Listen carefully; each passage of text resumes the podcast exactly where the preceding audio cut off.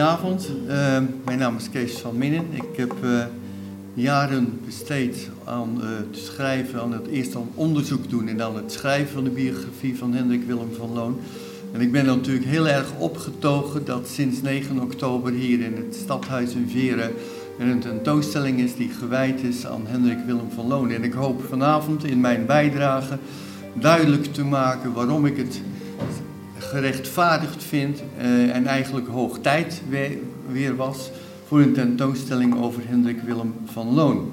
Ik ben bij de uitnodiging gevraagd om, uh, ja, laat ik zeggen, flink uit te pakken vanavond. Want de vorige keer, 9 oktober, toen de tentoonstelling werd geopend, was mijn spreektijd beperkt tot 15 tot 20, 20 minuten.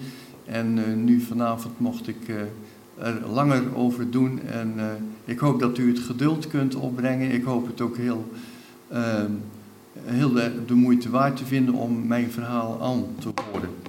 Het is thans weer al bijna acht decennia geleden uh, dat het Amerikaans bekendste Dutchman, Hendrik Willem van Loon, op 11 maart 1944 overleed in zijn huis Nieuw-Veren in de Amerikaanse staat Connecticut.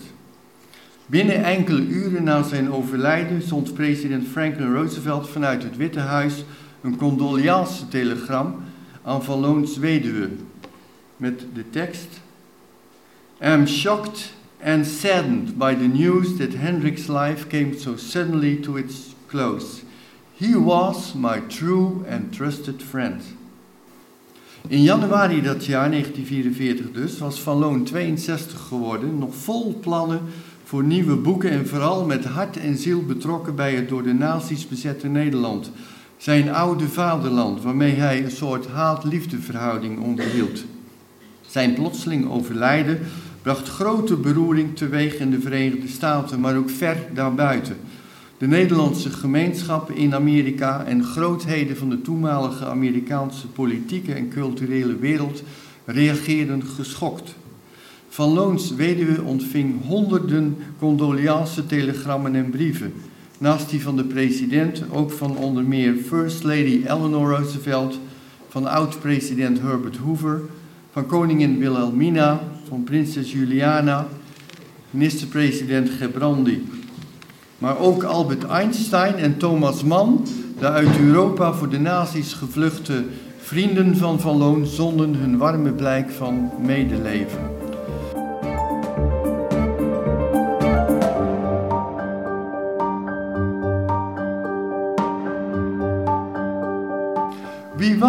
Deze Amerikaan, Nederlands-Amerikaan, die tijdens zijn leven zo luidruchtig van zijn bestaan blijk gaf?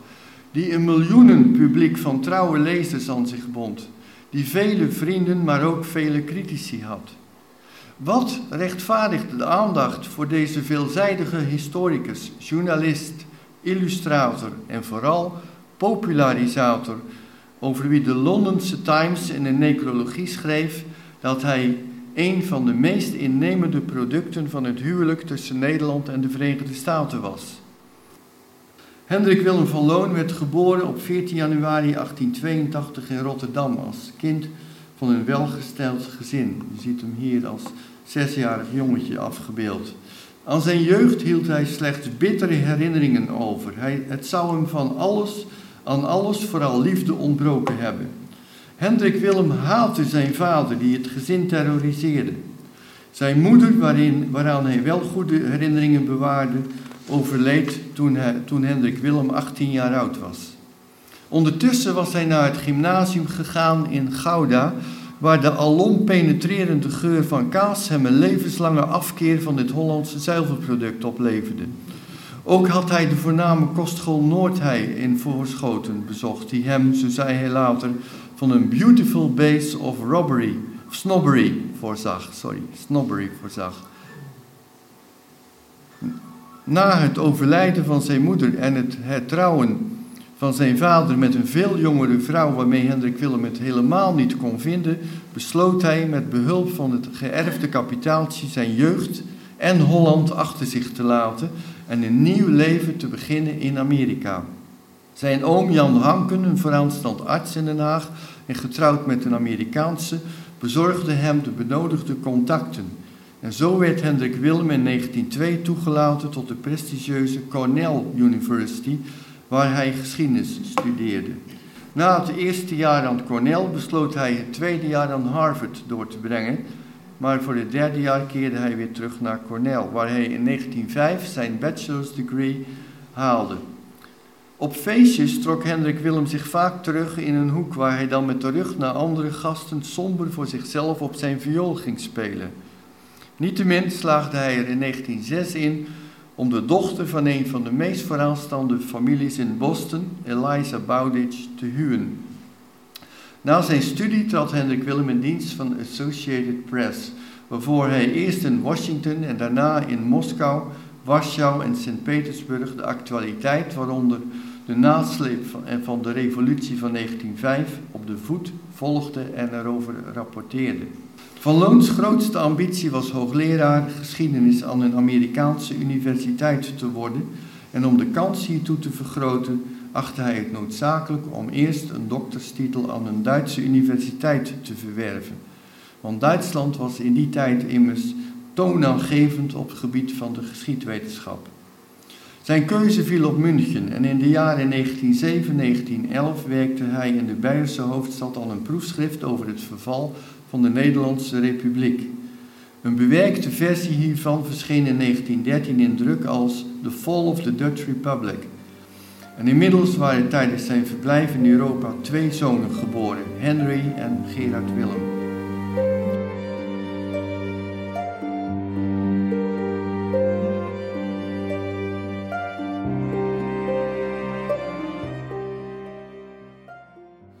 Uiteindelijk werd hij tijdelijk in dienst genomen door zijn alma mater, Cornell.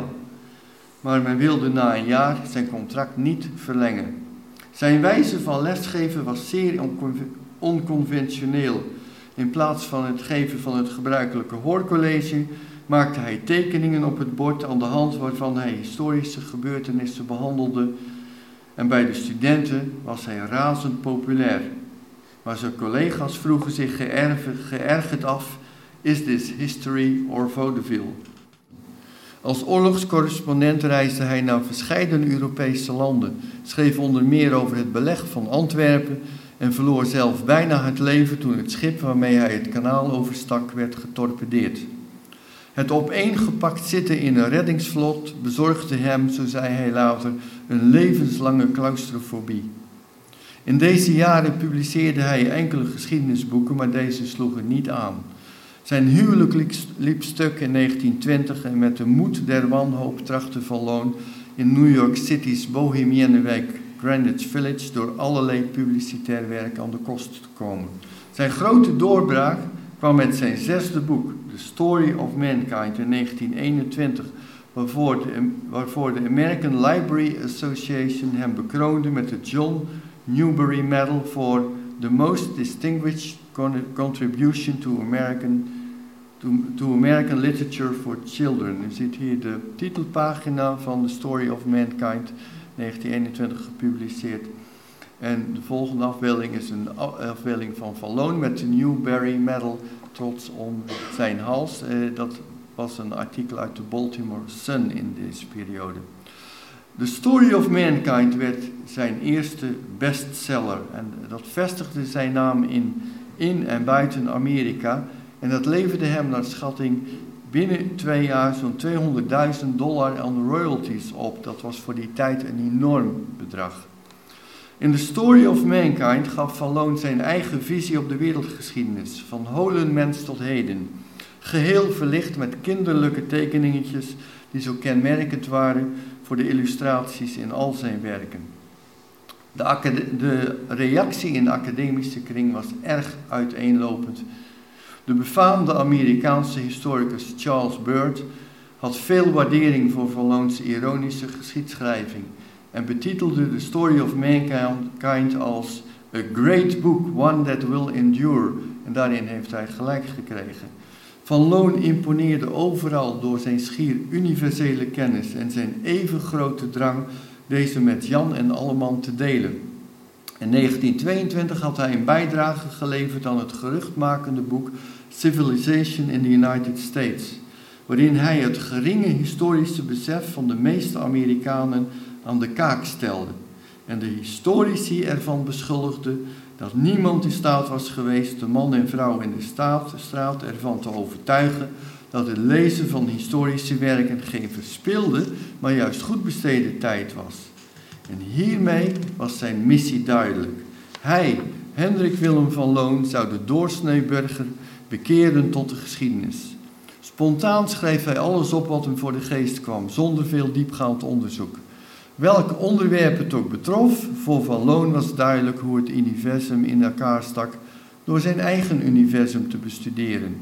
Zo schreef het bekende weekblad The New Yorker in een ironisch portret van Van in 1943. Het verschil tussen Van en andere historici ligt in het feit dat, zij, dat Van Loon zijn gegevens uit de schachten van zijn eigen persoonlijkheid opdiept terwijl minder geïnspireerde rivalen gedwongen worden hun tweedehands informatie te baseren op het gezag van stoffige archieven. Hij was buitengewoon door zichzelf geboeid. Aan de New Yorker had hij ontwapenend onthuld dat het overkoepelende thema van al zijn boeken was Van Loon on Life. Ondanks zijn grote succes werd Van Loon gekweld door hypochondrie. Niemand zou hem begrijpen. En net als dat van andere genieën zou ook zijn werk pas 100 jaar na zijn dood op werkelijke waarde geschat worden. Achter de façade van succes school de werkelijke Van Loon, die eenzaam zijn weg ging, zo meende hij.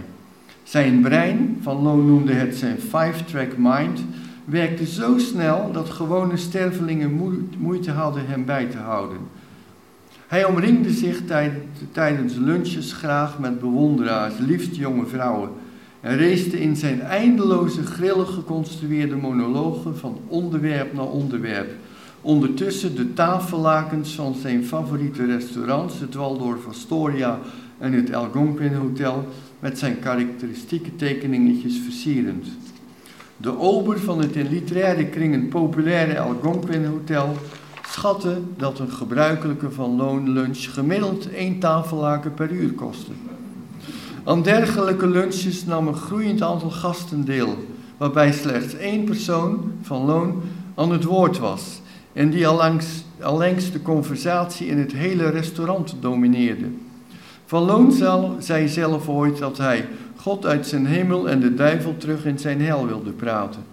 De reden dat hij zoveel schreef was naar eigen zeggen een therapeutische. De Nederlandse letterkundige en journalist Jan Greshoff die Van Loon goed kende, merkte op dat Van Loon zou zijn gebarsten als een ketel kokend water zonder tuit of klep, als hij zich niet voortdurend luidruchtig en krachtig had geuit. Telkens had hij nieuwe ideeën voor een volgend boek, schreef een aantal woorden vooraf waarin hij voor de duur van een dag voorwaardelijk geloofde, om daarna met kinderlijke opgetogenheid een nieuw idee te lanceren. Zijn uitgeverij Simon Schuster had zo'n 30 contracten voor Van Loonboeken die nimmer het stadium van ideeën waren gepasseerd. En het zal geen verbazing wekken dat deze man geen stabiel monogaam liefdesleven leidde. Zoals reeds vermeld strandde Van Loons eerste huwelijk in 1920. In datzelfde jaar trouwde hij Helen Criswell, door iedereen Jimmy genoemd. Zij was afgestudeerd aan Bryn Mawr College, was lerares geweest in New York en dreef in Greenwich Village een tea room, de Mad Hatter. En zij zou Hendrik Willem de rest van zijn leven bijstaan, als trouwe partner zijn schrijfproces ondersteunen door zijn geschriften te typen en te redigeren en te herhalen dat ze darn good waren, een zelfbevestiging die Hendrik Willem dagelijks nodig had. In 1927 scheidden zij. Van, van Loon trouwde toen met de Broadway-actrice Frances Goodrich, van wie hij kort daarop weer scheidde en keerde terug naar Jimmy. Zo was ze zijn tweede, maar ook zijn vierde vrouw, hoewel ze niet voor de wet hertrouwden. Zijn drie huwelijken en zijn samenleven daarna met Jimmy konden niet verhinderen dat Hendrik Willem voortdurend andere vrouwen het hof maakte en hen met brieven en telegrammen waar ook ter wereld bombardeerde. Jimmy werd zelfs ingeschakeld om Hendrik, Willem, Hendrik Willems liefdesbrieven aan zijn vriendinnen te typen. Van 24 liefdesaffaires was zij op de hoogte. De auteur Adrian van der Veen, die omstreeks 1940 nauwe contacten met Van Loon onderhield, stelde vast dat de gevierde schrijver als een heigend nijlpaard steeds zijn liefdesnood elke vrouw op zijn weg achterna zat, zonder veel succes overigens. Jimmy liet Hendrik Willem gelaten begaan en wist uit ervaring dat hij toch steeds bij haar terug zou keren. Zelf was Van Loon van oordeel dat hij, dat hij zich jegens vrouwen gedroeg als de 13e eeuwse hoofdse ridder die alle vrouwen op een voetstuk zette. Hij had echter na jaren van enorme aanslagen op zijn gevoelens en zijn bankrekening moeten concluderen dat alle pogingen om de ridderlijke benaderingswijze te herstellen op een volstrekte mislukking waren uitgelopen. Niettemin bleef hij de 13e eeuwse idealen aanhangen, zo schreef hij in zijn autobiografie Report to St. Peter.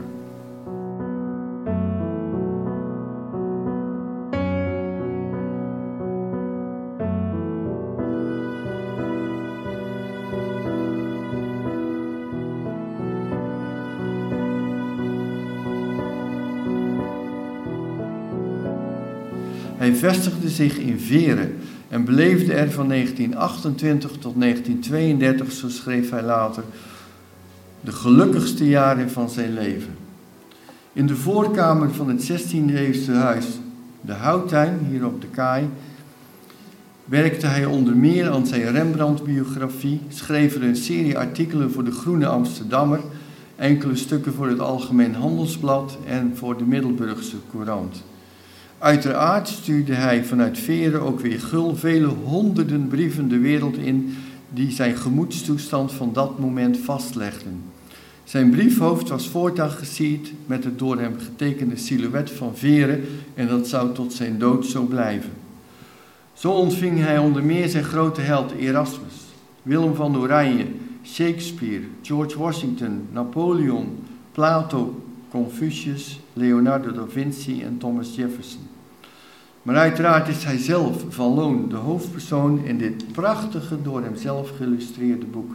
Dat oorspronkelijk Veerse tafelgesprekken zou heten, maar dat uiteindelijk als Van Loon's Lives werd gepubliceerd en een mengeling is van feit en fictie.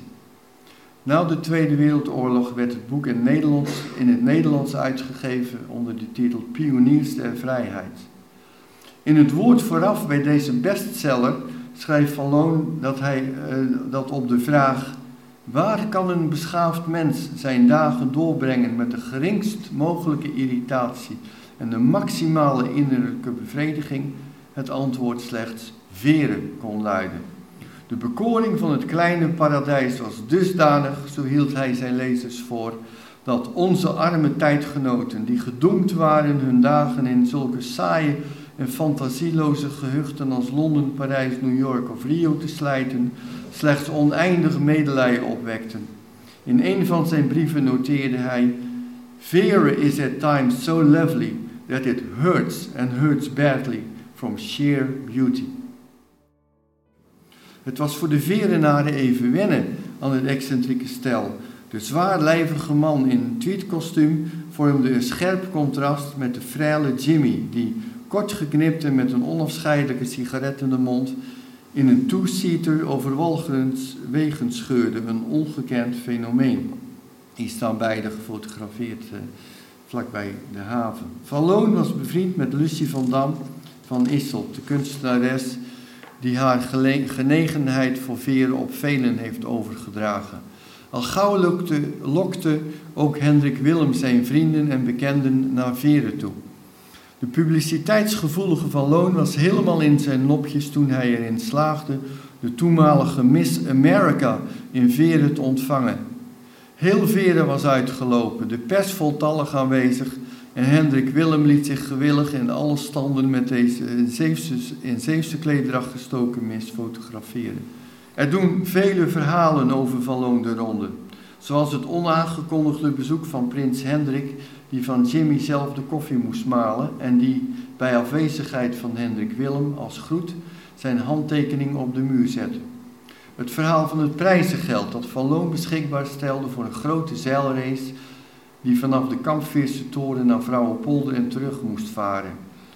De beker die hij gaf ter gelegenheid van de ringrijwedstrijd op het Abdijplein in Middelburg en die groter was dan de bekers die de gemeente Middelburg en de provincie Zeeland ter beschikking hadden gesteld.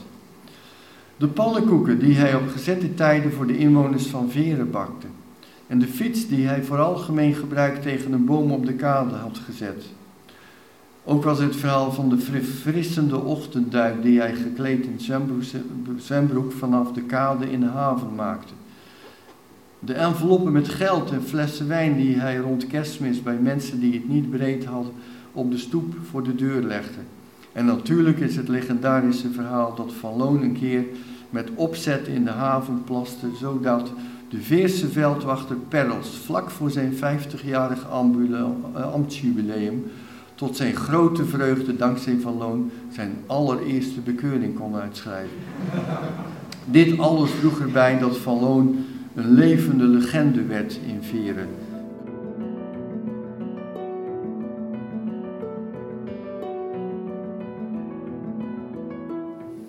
Talloze malen duikt de naam Veren op in zijn geschriften.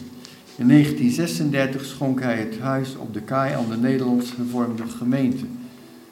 En zijn huis in Old Greenwich, Connecticut, noemde hij Nieuw Veren. Ook in Van Loons boekillustraties zien we zeer regelmatig het silhouet van Veren. Zonder meer verrassend is dat in de door Van Loon geïllustreerde boekjes met kerstliederen, Christmas carols en Good Tidings de drie wijzen uit het oosten en de herders zich volgens de tekst weliswaar richting Bethlehem spoeden, maar dat de erbij behorende illustraties er geen twijfel over laten bestaan dat de kribbe van Jezus in Veren stond.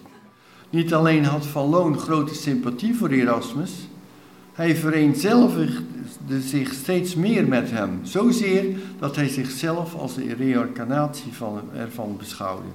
In het leven van de grote humanist ontwaarde Van Loon parallellen met zijn eigen bestaan. Beiden waren in Rotterdam geboren en hadden een deel van hun schooltijd in Gouda doorgebracht. Beiden hadden een ongelukkige jeugd. Beiden waren briljante causeurs. Beiden waren hypochonders. Beiden waren tolerant. Beiden waren popularisatoren en beiden droegen de bril op het puntje van hun neus, al dus van Loon. Hij ging om in zijn gelijkenis met Erasmus aan te tonen in 1942 zover dat hij in New York in het Holland House in Rockefeller Center een tentoonstelling organiseerde waarin tekening door Holbein van Erasmus' handen en een foto van Valloons handen moesten aantonen dat deze identiek waren. Ook voorbeelden van beide handschriften van, van Loons getekende zelfportret naast contemporaine portretten van Erasmus moesten onomstotelijk aantonen dat het hier om één en dezelfde persoon ging. Thans van Loon, voorheen Erasmus geheten. Als fans van Loon om een foto vroegen, stuurde hij niet een, niet een portret van zijn gezicht, maar van zijn handen, dezelfde handen als van Erasmus. En, dat sprak, en het sprak dan ook vanzelf dat de Engelstalige heruitgave in 1942 van Erasmus Lof der Zotheid door Van Loon, de 20e eeuwse Erasmus, van een zeer uitvoerige inleiding en illustraties werd voorzien. Zijn hyperactieve levenswijze, gecombineerd met een jarenlange drang tot overmatig veel en gulzig eten, werden hem uiteindelijk fataal. Toen hij op een avond met een van zijn Nederlandse gasten op een bank voor zijn huis zat en over het water van de Long Island Sound naar de overzijde keek, een uitzicht dat hem zo aan Veren en Noord-Beveland deed denken, verzuchtte hij: Ik zal het nooit meer terugzien. Dit is het huis Nieuw Veren in Connecticut waar Van woonde. En als hij op dat bankje zat en over de Long Island Sound keek, zag hij, had hij dit uitzicht. En dat is alsof je hier bij de, op de, bij de Oude Werf staat en naar Noord-Beveland kijkt. In zijn eetkamer hing een schilderij van Veren. Het was bedekt met een rouwdoek die je niet af mocht zolang de Duitse bezetting voortduurde. Het was Van Loon niet gegeven de zwarte doek te kunnen verwijderen, want op 11 maart 1944, slechts drie maanden voor die day, is hij aan een hartaanval overleden. En men kan zonder overdrijving stellen dat hij als oorlogsslachtoffer is gevallen.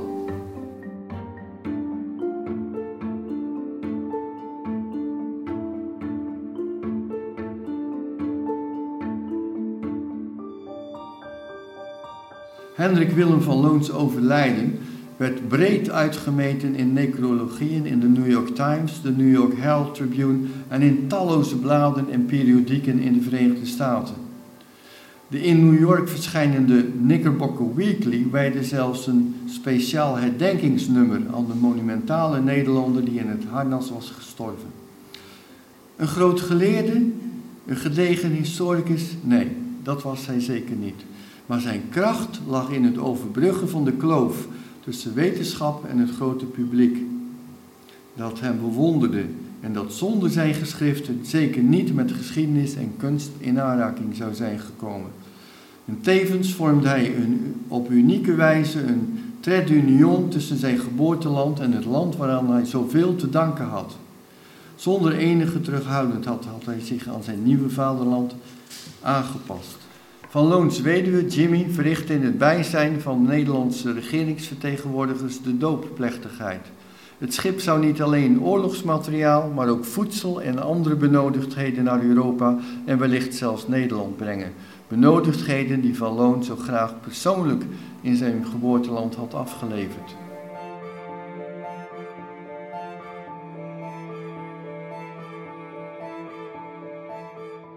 In 1994 is de zeilrace die Van Loon voor de Arnhemuitse vissers in 1928 had georganiseerd nieuw leven ingeblazen. En sindsdien is de Van Loon Hartzeildag een jaarlijks terugkerend evenement in Veren.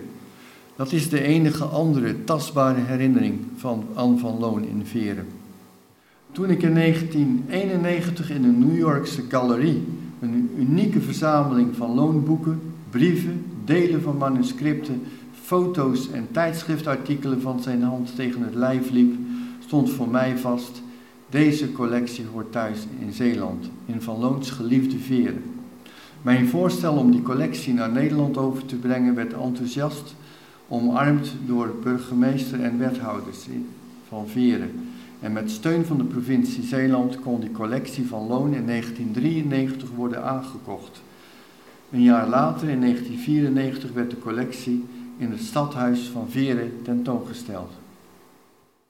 Van Loon, die zich zo voor zijn oude vaderland had ingezet en trots kon zijn op de miljoenen oplagen van zijn boeken, die hem de titel The Prince of the Popularizers had verschaft, heeft het nooit kunnen accepteren dat hij in Nederland als auteur niet serieus genomen werd. Zijn gram was gericht tegen de waanwijze professorenkasten, die, die hij omschreef als die verachte fossielen uit de Nederlandse universiteitssteden. Wat waren dat voor, lieve, wat waren dat voor lieden? Zo vroeg hij zich in een van zijn monologen af en uiteraard gaf hij zelf het antwoord. Keutertjes leggen en ze en dan schrikken ze zich dood als er weer iets bij hen tevoorschijn is gekomen. Dat moet dan worden ingepakt in grote dozen bewijsmateriaal, anders geloven ze niet dat ze het zelf hebben uitgepoept. Nee, als hij er niet geweest was, dan zouden al die miljoenen Amerikanen nog steeds denken dat Holland een speciaal soort kaas was, een beetje slap en met weinig smaak. Ondanks zijn ijdelheid overdreef Van Loon niet eens zoveel toen hij ooit in Amerika beweerde: I am the Dutch ID here. Het viel inderdaad niet te ontkennen dat voor veel Amerikanen Nederland en Van Loon in de periode 1920-1945 synoniem was. I put Holland on the map, zei Van Loon. And that's the simple truth. Niemand voor of na hem heeft ooit aanspraak kunnen maken op een soortgelijke positie. Er is geen andere Nederlandse Amerikaanse immigrant die zoveel is geciteerd in de New York Times. Hendrik Willem van Loon, die zichzelf beschouwde als de 20e eeuwse reïncarnatie van Erasmus, was inderdaad larger than life. En veel van zijn tijdgenoten waren het erover eens dat na zijn overlijden in maart 1944 het leven een stuk kleiner was geworden.